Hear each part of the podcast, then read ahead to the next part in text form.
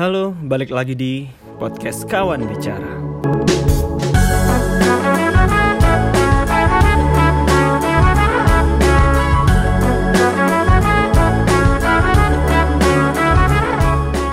Ah, jadi kali ini it's monologue time. Aku ngomong sendiri, ngeluarin keresahan-keresahanku. Ya, kalau yang udah ngedengerin podcast ini lama sih tahu lah ya. Aku biasanya kadang aku bareng sama teman-temanku buat hahihi, buat cerita-cerita atau beropini, tapi kalau yang sendirian aku ngeluarin keresahan-keresahanku apa yang ada ada di kepalaku ya gitu-gitulah. Dan podcast ini direkam tepat 9 Agustus jam setengah 12 Tepat ketika Pak Luhut mengumumkan bahwa PPKM akan diperpanjang sampai tanggal 16 Agustus Goks, goks. Jadi kita udah PPKM tuh udah mulai bulan Juli awal atau Juli pertengahan gitu ya. Hah, Dan sampai sekarang kayak dikasih eh, eh seminggu, seminggu, ditambahin seminggu lagi gitu. Sebenarnya nggak tahu sih itu metode apa yang mereka pakai supaya meredam kemarahan orang ya. Mungkin kalau langsung kita ppkm dua bulan gitu langsung orang tuh marah semua. Atau kalau seminggu kalau seminggu seminggu orang tuh kayak mau marah oke sabar seminggu lagi. Terus seminggu lagi diperpanjang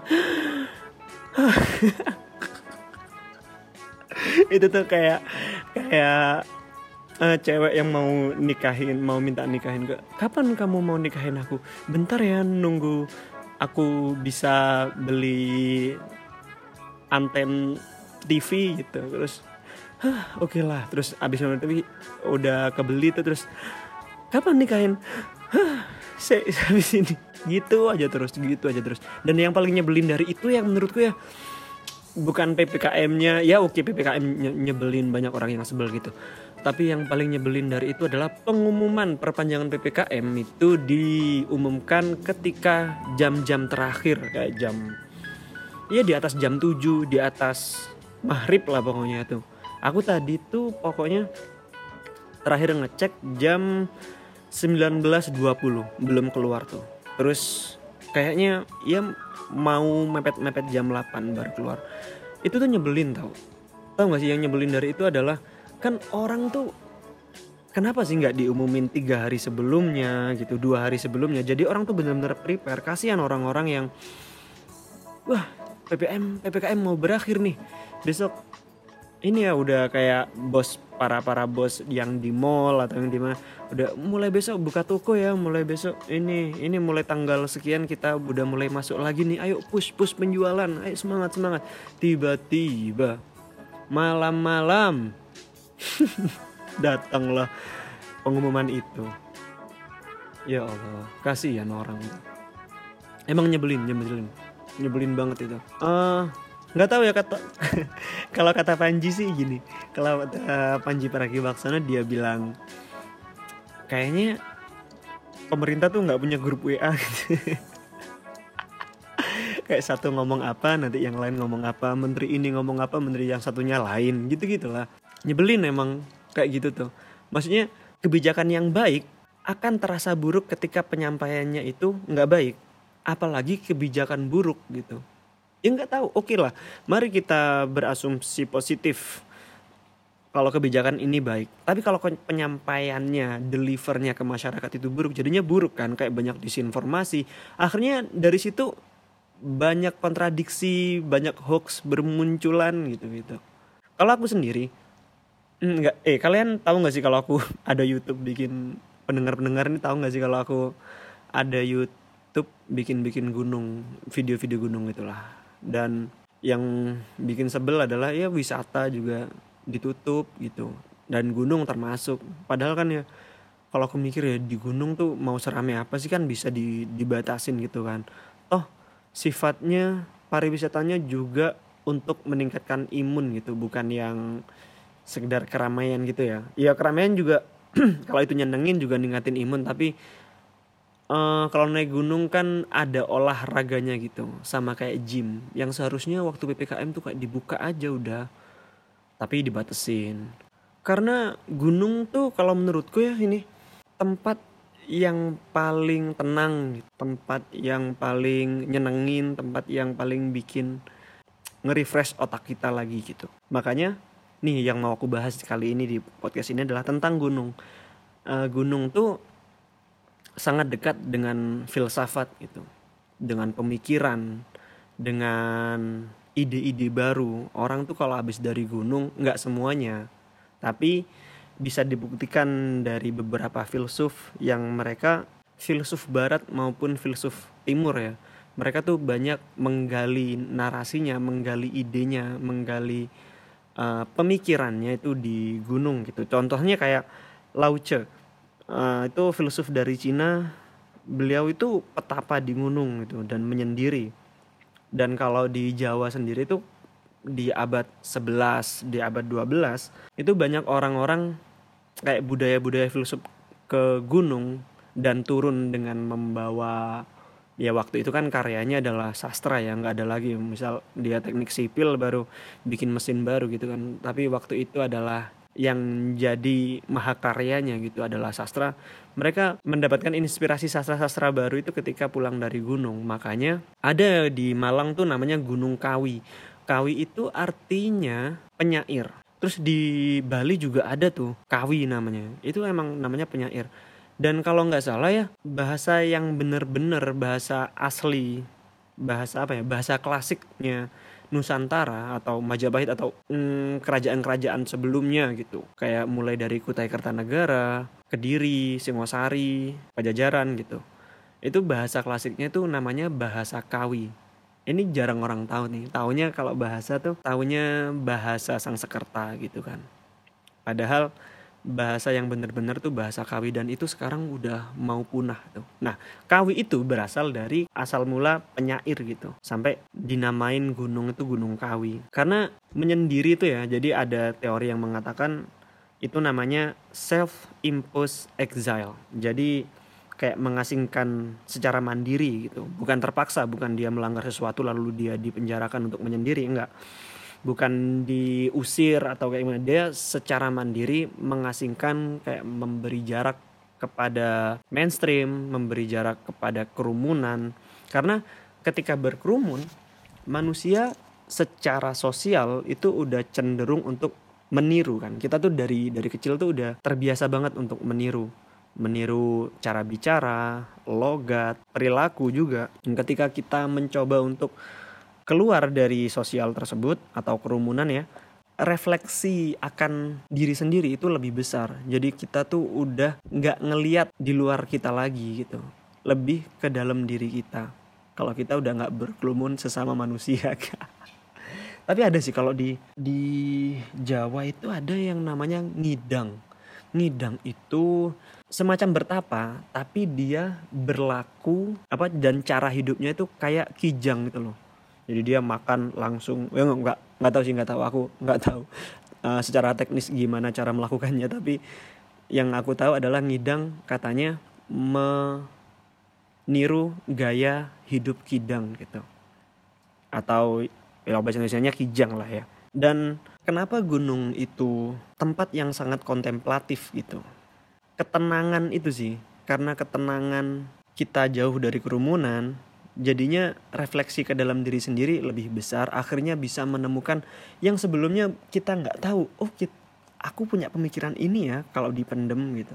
Aku punya bakat ini ya itu biasanya keluar atau ide-ide baru itu akan keluar ketika kita benar-benar ke diri sendiri. Makanya ya kalau bahasa zaman sekarang keresahan lah ya.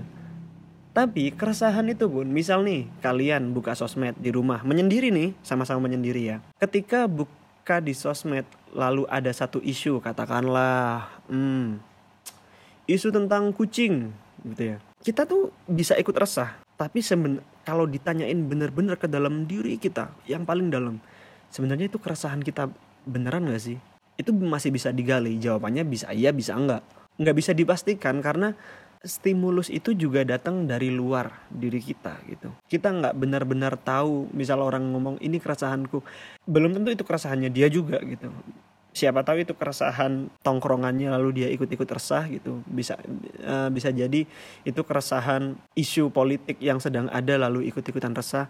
Nah ketika di gunung kita tuh karena menyendiri ya. Jadi keresahan tuh bener-bener datang dari diri kita sendiri. Bukan dari lingkungan bukan kita resah ada orang buang sampah buang bukan kita resah pemerintah PPKM atau gimana. Enggak kan? Dan kalau kita lihat dari kalian pasti tahu ceritanya Isaac Newton ya. Isaac Newton tuh kejatuhan apel gitu dia lagi duduk-duduk di satu kebun yang luas itu lalu ada pohon apel dia kejatuhan apel tuh. Dari kejadian itu, dari kejadian jatuhnya apel, dia mikir, "Oh, muncullah di otaknya. Wow, gravitasi." yang nggak tahu yang nggak tahu di waktu itu Newton ngomongnya kayak gimana tapi kalau misal Newton waktu itu bareng sama teman-temannya nggak mungkin kepikiran gravitasi bro. Dia pasti kayak kejatuhan apel gitu langsung wah cancuk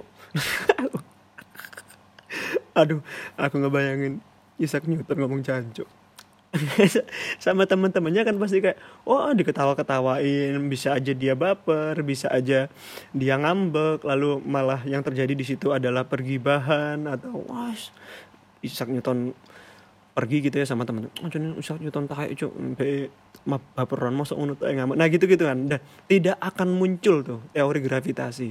Teori teori gravitasi muncul karena Isaac Newton kejatuhan apa? Karena dia sendirian.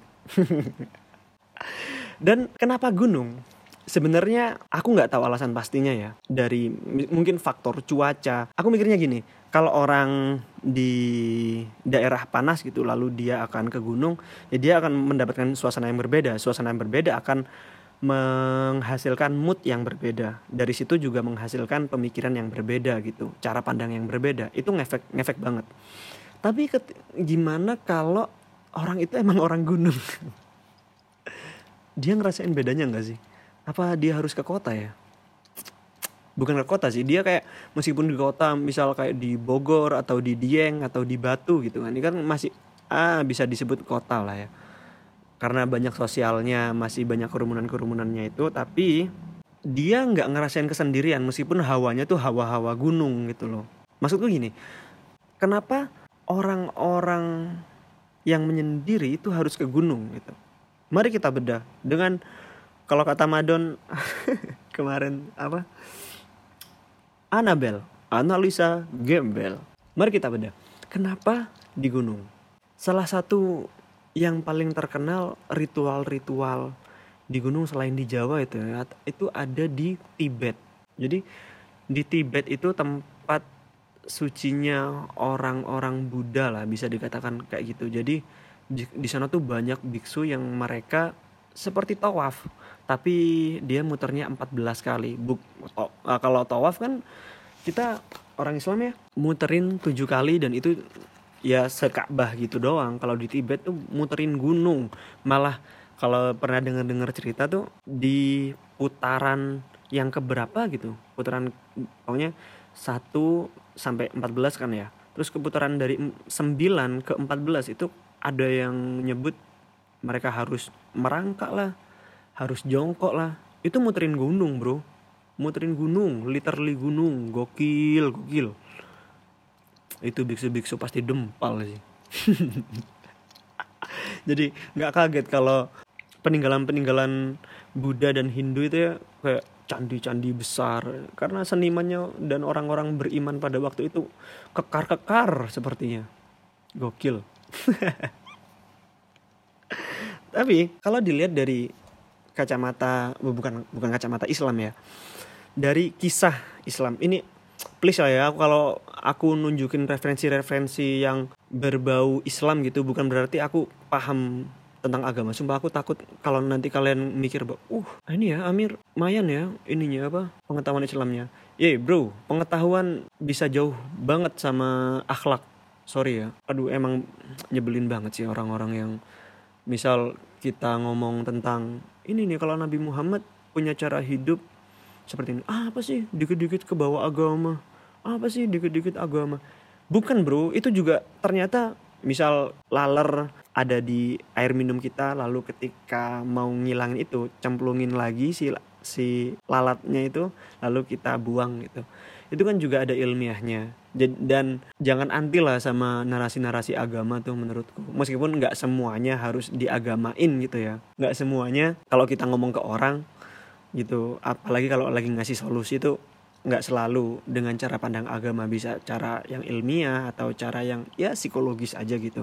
Cuman kalau orang lagi ngomong tentang agama ya jangan denial juga. Orang di situ juga ada fakta-fakta yang bisa well kalaupun bukan fakta ada beberapa hal yang bisa kita pelajarin.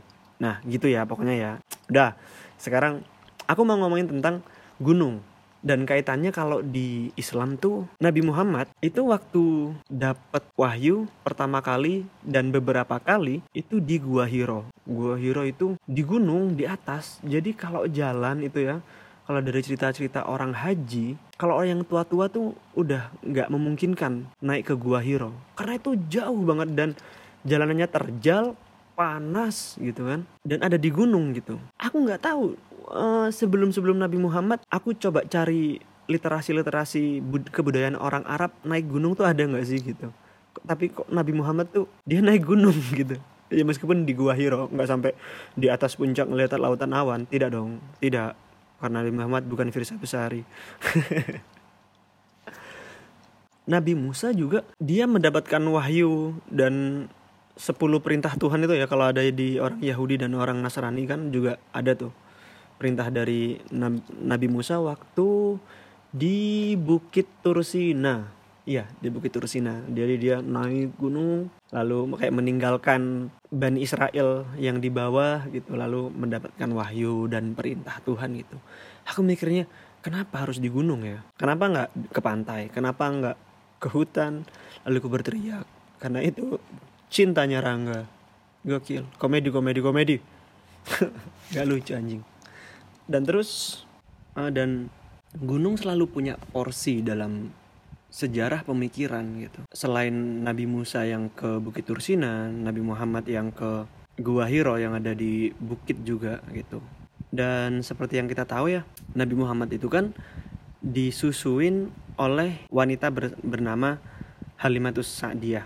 Nah, Bu Halimatus Sa'diyah ini itu orang gunung, Bro. Nggak bukan orang pasar gitu. Jadi waktu itu ya, ini sedikit cerita aja. Jadi waktu itu emang kebiasaan orang-orang Arab Jazirah mereka setiap tahun orang-orang gunung itu turun ke pasar itu untuk mengambil anak untuk disusui untuk dibesarkan gitu bisa sampai tiga tahun bisa sampai enam tahun gitu mereka akan disusui dan dirawat di gunung alasannya kenapa karena orang pasar secara budaya sastranya itu jelek. Nggak ada tuh penyair-penyair zaman dulu eh, yang di Arab ini ya. Penyair-penyair yang dia lahir dari pasar. Dari pasar it's mean kota ya. Selalu penyair-penyair yang pandai dan fasih berbicara itu mereka lah apa pasti pernah dibesarkan di di suatu daerah yang terpencil. Karena di pasar banyak orang licik banyak orang curang. Jadi di situ tuh kayak anggapannya banyak orang yang berkata kotor. Sedangkan kalau di gunung tuh dianggapnya orang lebih berkebudayaan beradab gitu. Dan sastra-sastra entah kenapa entah kenapa sastra-sastra yang bagus itu keluarnya dari orang-orang gunung perilaku dan cara bertata krama orang gunung itu selalu lebih bagus gitu orang maksudnya orang-orang yang di pelosok gitulah makanya Nabi Muhammad dan banyak orang-orang jazirah waktu itu menitipkan anaknya kepada orang-orang gunung untuk dididik di situ supaya dia bisa lebih fasih berbicara, lebih sopan. Kalau di Spartan juga tapi beda konteks ya. Di Spartan itu juga nge, kayak ngebuang anaknya itu loh. Kayak di film 300 kan anak yang umur 9 tahun dia kayak dibuang ke satu hutan yang banyak hewan buas. Jadi si anak itu dari umur 9 tahun dia harus survive di dalam situ. Nggak tahu dia mau mati atau dia akan hidup. Pokoknya gambling orang tuanya tuh kayak lucu juga ya. Yus anakku pokok keluar dari kalau dia sampai umur berapa ya? Umur 17 apa umur 20 gitu? Lama pokoknya dari umur 9 tahun tuh. Dia kalau dia keluar hidup-hidup dari hutan itu selama bertahun-tahun dia akan jadi kesatria atau kalau enggak ya dia akan mati gitu. Dan perbedaannya juga kalau kita lihat dari perbedaan nih ya bedanya orang gunung sama orang pantai. Orang pantai yang masuk di sini adalah konteksnya adalah orang pantai nah itu lebih banyak berinteraksi dengan orang luar. Kayak jalur perdagangan ya tentu lewat laut dulu dong. Nggak mungkin zaman dulu tuh kan belum ada pesawat. Jadinya pakai kapal. Akhirnya kenal kebudayaan, asimilasi kebudayaan dari satu pulau ke pulau lain, dari satu daerah ke daerah lain, itu kebanyakan bertemunya tuh di pasar dulu gitu. Makanya beda. Uh, orang kalau nyebutnya tuh orang pedalaman sama orang pesisir. Orang pesisir bisa dikatakan lebih ah barbar. Kalau ngelihat dari buruknya doang ini ya. Tapi orang pesisir jauh lebih apa adanya. Jauh lebih apa adanya. Karena perdagangan itu dan asimilasi budaya sama orang lain gitu ya.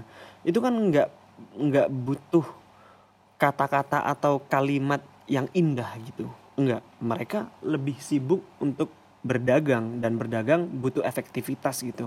Butuh efisien lah makanya eh, orang pesisir tuh terkesan cara ngomongnya lebih kasar, lebih lantang karena mereka sudah terbiasa di keramaian gitu. Jadi ngomong tuh harus harus harus lantang kalau enggak ya enggak kedengeran. Sedangkan orang gunung uh, lebih bisa dikatakan le lebih sopan, lebih halus karena di gunung kan sunyi. Jadi orang tuh ngomong halus dan tidak banyak berinteraksi dengan orang-orang luar. Akhirnya kebudayaan mereka sendiri tuh bener-bener kebentuk gitu loh jadi misal satu RW, kalau itu satu RW doang, itu kebudayaannya bakal matang. Misal selama berpuluh-puluh tahun nggak pernah tersentuh oleh dunia luar, maka budaya di satu daerah itu akan lebih kuat gitu. Akan lebih mengakar dia akan berturun temurun juga gitu. Sedangkan orang kalau di gunung apa orang kalau di pantai kita ngajarin satu budaya gitu ya. Satu budaya ke, ke ke anak kita gitu. Bisa aja anak kita bakal berubah ketika dewasa karena berteman dengan kebudayaan orang lain. Misal ada pedagang dari luar yang menetap cukup lama akhirnya bergaul dan dari situ asimilasi budaya itu terjadi gitu. Jadi orang pesisir dan orang pedalaman itu beda banget kebudayaannya sangat beda cara hidup mereka orang pesisir lebih taktis orang gunung lebih santai cara berbisnis mereka kemajuan yang diciptakan juga beda banget. Biasanya kemajuan-kemajuan orang pesisir cenderung teknologis. Bagaimana caranya misal mau nyebrang ke pulau mereka bikin perahu, gimana caranya e, bisa ngangkut barang mereka bikin katrol. Kalau orang gunung karena tidak membutuhkan itu dalam keseharian mereka, e, kemajuannya mereka itu ke dalam diri sendiri gitu. Lebih ke pemikiran, filsafat dan lain-lain. Dan satu hal lain dari gunung tidak lepas dari kenapa orang sekarang itu banyak banyak banget orang yang ke gunung. Ya meskipun mungkin pengertiannya udah beda ya. Ada yang bikin konten ada yang ya cuma selfie selfie ada yang pengen disebut pendaki cantik. Aduh najis. Ya gitulah. Tapi aku bakal jelasin kalau di abad 18, 17 di Eropa itu ada yang namanya Grand Tour. Jadi fenomena di Eropa itu yang dilakukan oleh orang-orang aristokrat. Jadi orang-orang kaya waktu itu tuh melakukan perjalanan berbulan-bulan. Kalian pernah mikir nggak sih kayak kalau pariwisata, bepergian, refreshing, kalau kalian hidup zaman dulu, kepikiran nggak itu? Itu ada awal mulanya. Nah, Grand Tour ini adalah akar dari yang kita sebut sekarang sebagai pariwisata atau turisme. Jadi dari Grand Tour disebut tour. Tuh. Jadi tujuannya adalah uh, orang-orang kaya ini mungkin ya gitulah biasalah orang-orang kaya kan suka aneh-aneh ya. Suka mereka tuh melakukan hal-hal yang kadang-kadang orang-orang seperti kita tuh nggak nggak kepikiran gitu. Masalahnya setengah dari masalahnya tuh udah selesai mungkin. Jadi nyari-nyari masalah baru gitu. Jadi banyak orang-orang Eropa, orang-orang kaya waktu itu melakukan grand tour yaitu untuk tujuannya adalah mengenali kebudayaan orang lain, merasakan suasana di tempat lain gitu-gitu. Dari dari situ kadang-kadang untuk mengapresiasi budaya juga gitu. Dari situ muncullah pemikiran baru, sudut pandang baru. Sampai akhirnya banyak perintelan-perintelannya kalau sekarang udah ada backpacker lah, ada gelandangan lah, ada yang kayak menggelandang itu kalau di Amerika tahun 1950-an lah baru muncul satu apa penulis buku waktu itu. Kayak siapa namanya? Dulu pak udahlah waktu itu dia kayak keliling mengelilingi Amerika gitu dengan nebeng-nebeng ke mana-mana. Jadi cukup fenomenal dan bikin tren waktu itu. Setelah perang kedua usai gitu kan. Jadi lebih aman. Uh, kenapa Grand Tour dan kenapa Grand Tour sangat populer? Karena ketika orang-orang waktu itu zaman zaman zaman itu adalah orang udah mulai menetap ya kan kita dari nomaden lalu kita udah mulai menetap dan setelah itu menetap udah lama tuh menetap di satu tempat gitu lama-lama ada rasa kebosanan. Dan ketika melakukan grand tour orang-orang merasa refresh hidupnya ketika biasanya melakukan ya kalau kita di kota di kota kita sendiri gitu kan melakukan hal yang sama berhari-hari bahkan bertahun-tahun secara repetitif gitu setiap harinya. Dan ketika keluar dari zona itu kita bakal ngerasain hal yang berbeda gitu. Ya mungkin nggak kalau sekarang jadinya emak-emak selfie atau pendaki-pendaki cantik gitu yang nggak apa-apa nggak apa-apa juga ya paling nggak kalian yang yang dengerin ini kalian bakal dapat insight bahwa itu tuh semua ada sejarahnya dan ada tujuannya kenapa kita refreshing kenapa kita berpariwisata tourism itu kayak gimana berawalnya dari tahun eh abad 18 abad 17 gitulah agak sedih makanya PPKM nih nggak selesai-selesai gitu. Tapi kayaknya emang banyak yang bilang sampai tanggal 16 nih. Kayak dipas-pasin sama hari kemerdekaan kita bebas dari PPKM. Ngeri, ngeri. Emang kita tuh bangsa yang selebratif gitu. Apa-apa harus dirayain, apa-apa harus dirayain. Ya gitulah. Ya udah, makasih. Eh, eh kalau kalian ini kan aku lagi monolog ya kalau kalian mau cerita-cerita atau ngasih pertanyaan bisa DM aku atau ya udah ya DM aja di Instagram at amir.ahmed96 nanti bakal aku bahas dan aku bacain cerita kalian di podcast ini. Terima kasih sudah mendengarkan podcast kawan bicara